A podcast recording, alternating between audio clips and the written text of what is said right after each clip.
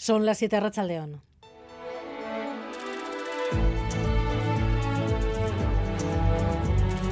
Gambara con Arancha García.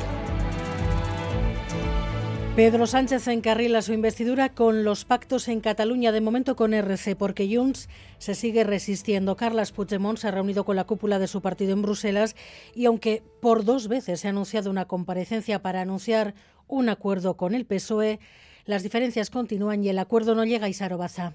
Sí, el sí de Junts parecía inminente. La cúpula de Junts se ha trasladado hasta Bruselas para debatir la ley de amnistía. Se había preparado hasta un atril para que Puigdemont compareciera y al final todo ha sido en vano. Tras seis horas, la reunión de la dirección de Junts ha terminado sin acuerdo con el PSOE. Aún hay flecos que limar. El escollo debe estar en la redacción de la amnistía y en la autodeterminación. Aquí en el Congreso todo estaba preparado para registrar la ley de amnistía. Solo faltaba el sí de Junts y ese sí de momento no ha llegado. A la espera de las concreciones y de la escenificación que también tiene su peso en todo esto pendiente, el apoyo de Junts ha asegurado el DRC un acuerdo de legislatura. Así lo ha presentado el ministro de la Presidencia tras firmar en Barcelona la ley de amnistía, la transferencia de los trenes de cercanías y la condonación de parte de la deuda catalana. John Fernández Moro. Sí, el Estado asumirá 15.000 millones de euros de deuda catalana en virtud de un acuerdo de legislatura, según el PSOE, algo que el presidente de Esquerra, Uriel Junqueras, ha matizado después, diciendo que lo asegurado es su apoyo a la investidura. Además de esa condonación de la deuda,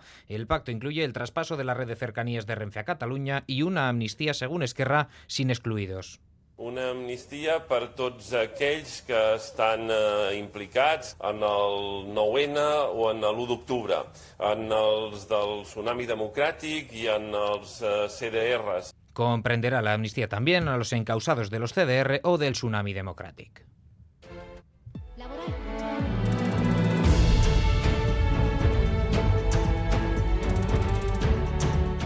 Sin la firma de Junts, la ley de amnistía tampoco se registrará, por tanto, hoy en el Congreso. Seguimos sin saber cómo se articula, ni su alcance definitivo, ni cómo se redacta, porque seguro que va a tener que pasar el filtro del Constitucional. Pero ya es suficiente para una nueva remetida de PP y Vox que ya han jugado la base de la calle, de las manifestaciones y ahora ensayan con los jueces y su control en el Senado. Mayoría en el Senado para tratar de retrasar la tramitación de la ley y control del Poder Judicial que ya ha convocado pleno para el lunes, posiblemente la víspera del debate de investidura. Estamos hablando de una ley de amnistía que hasta hoy el PSOE había ocultado, una ley que convertirá en represor a nuestro Tribunal Supremo y será un golpe a los cimientos de la independencia del Poder Judicial. El PSOE ha cerrado ya el apoyo del BNG, sigue abierta la negociación con el PNV en torno a tres ejes, inversiones, transferencias y reconocimiento nacional. Y en el Parlamento el euskera ha vuelto a dividir.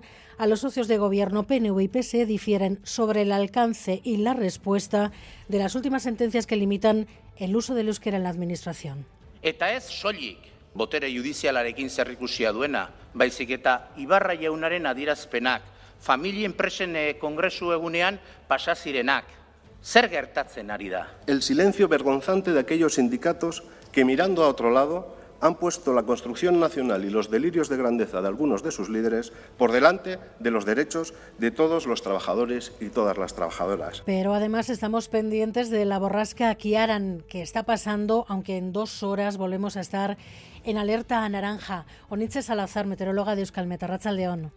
León. ¿Va a ser tan fuerte este nuevo episodio como el de esta pasada noche? No, no esperamos rachas tan intensas, pero sí que es cierto que a partir de las 12 de esta próxima madrugada y hasta las 6 de la mañana vamos a estar de nuevo en alerta naranja, pero en este caso tan solo esperamos en zonas expuestas, donde se pueden superar los 120 kilómetros por hora. En las no expuestas estaremos en aviso amarillo, aunque así todo podemos eh, tener rachas que superen los 90 kilómetros por hora. Dos borrascas eh, profundas consecutivas. ¿Entra dentro de lo habitual para un mes de noviembre? Sí, este tipo de borrascas eh, profundas, eh, sí que esta primera eh, ha sido excepcionalmente profunda también, pero no ha pasado tampoco demasiado cerca de, nuestra zona. Ahora llega otra borrasca, digamos, más habitual para esta época del año. Y realmente lo que tenemos es una nueva situación en la que nuevas borrascas se van formando y se van acercando, dependiendo de cuán cerca se acerquen o lo intensas que sean nos afectan más o menos. Eh, esta madrugada, esta próxima madrugada, todavía será eh, lo que nos puede afectar la, última borrasca Ciarán y después para el fin de semana esperamos una nueva borrasca no tan intensa, pero de, eh, de todas formas eh, también tendremos alerta naranja el sábado de 6 de la mañana a 12 del mediodía en zonas expuestas, una vez más, pues con rachas que pueden superar los 120 kilómetros por hora. ¿Cuál ha sido el máximo de velocidad del viento que se ha medido hoy? Pues fue eh, la máxima tuvimos ayer a la noche en Cerroja con 160 kilómetros por hora, pero hoy ha dado otro otro dato también en Cerroja de 150 kilómetros por hora. Hemos tenido otro par de datos en el Alto de Orduña y en Machichaco con 152 y 157. Esos serían las rachas en zonas expuestas y en no expuestas también hemos tenido algunos valores llamativos que han superado los 100, incluso eh, los 120 kilómetros por hora, como es el caso de Navarrete con 128. Oniche Salazar, Euskal que ricasco, Arrachaldeón. Arrachaldeón. Hasta 160 kilómetros hora se han llegado a medir. Lo han escuchado en algunos puntos expuestos en Vizcaya, vientos fortísimos que han derribado árboles, algunas fachadas. David Benamendi, hacemos balance. Sí, la borrasca deja más de 400 incidencias en toda Euskadi sobre todo por la mañana y por fuertes rachas de viento. Han caído decenas de árboles, afortunadamente sin daños personales, pero afectando a carreteras y vías de tren. Y ahora preocupa la mar, con la pleamar y olas de más de 7 metros. En Europa la borrasca deja al menos 7 muertos, dos en Francia, otros dos en Bélgica, uno en Holanda, otro en Alemania y el último en España. Una joven de 23 años en Madrid. Se le ha caído un árbol encima. Hay millones de hogares sin luz y caos en el transporte, sobre todo en Francia. En el aeropuerto de Bilbao ha habido que desviar o cancelar una veintena de vuelos desde ayer. Hay miles de viajeros afectados. ¿Cómo están las cosas a esta hora? Gary Suárez, León. A Racha León desde este aeropuerto de Loyu donde todavía se pueden notar ¿eh? las consecuencias de esa ciclogénesis explosiva. Entre ayer y hoy 32 incidencias entre desvíos y cancelaciones. A esta hora el fuerte viento se traduce sobre todo en retrasos y a la gente le toca esperar más de lo previsto.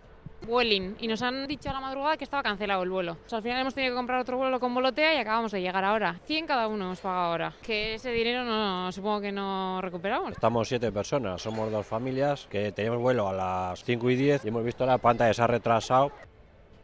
Para que nos hagamos una idea, en estos momentos en las pantallas vemos hasta seis vuelos que saldrán con retraso.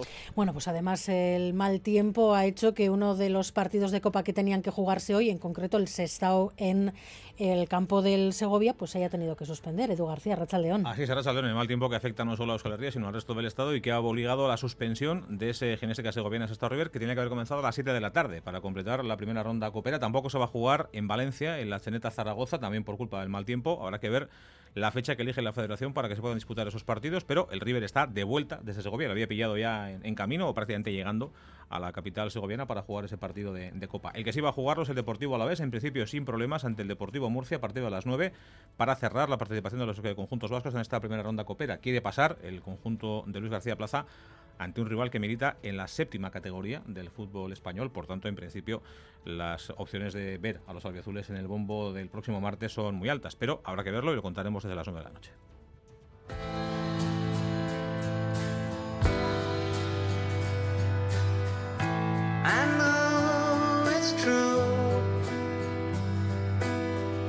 Así suena Now and Then, la que podría ser la última canción de los Beatles, escrita por Lennon, acabada ahora por McCartney, Ringo Starr y la inteligencia artificial.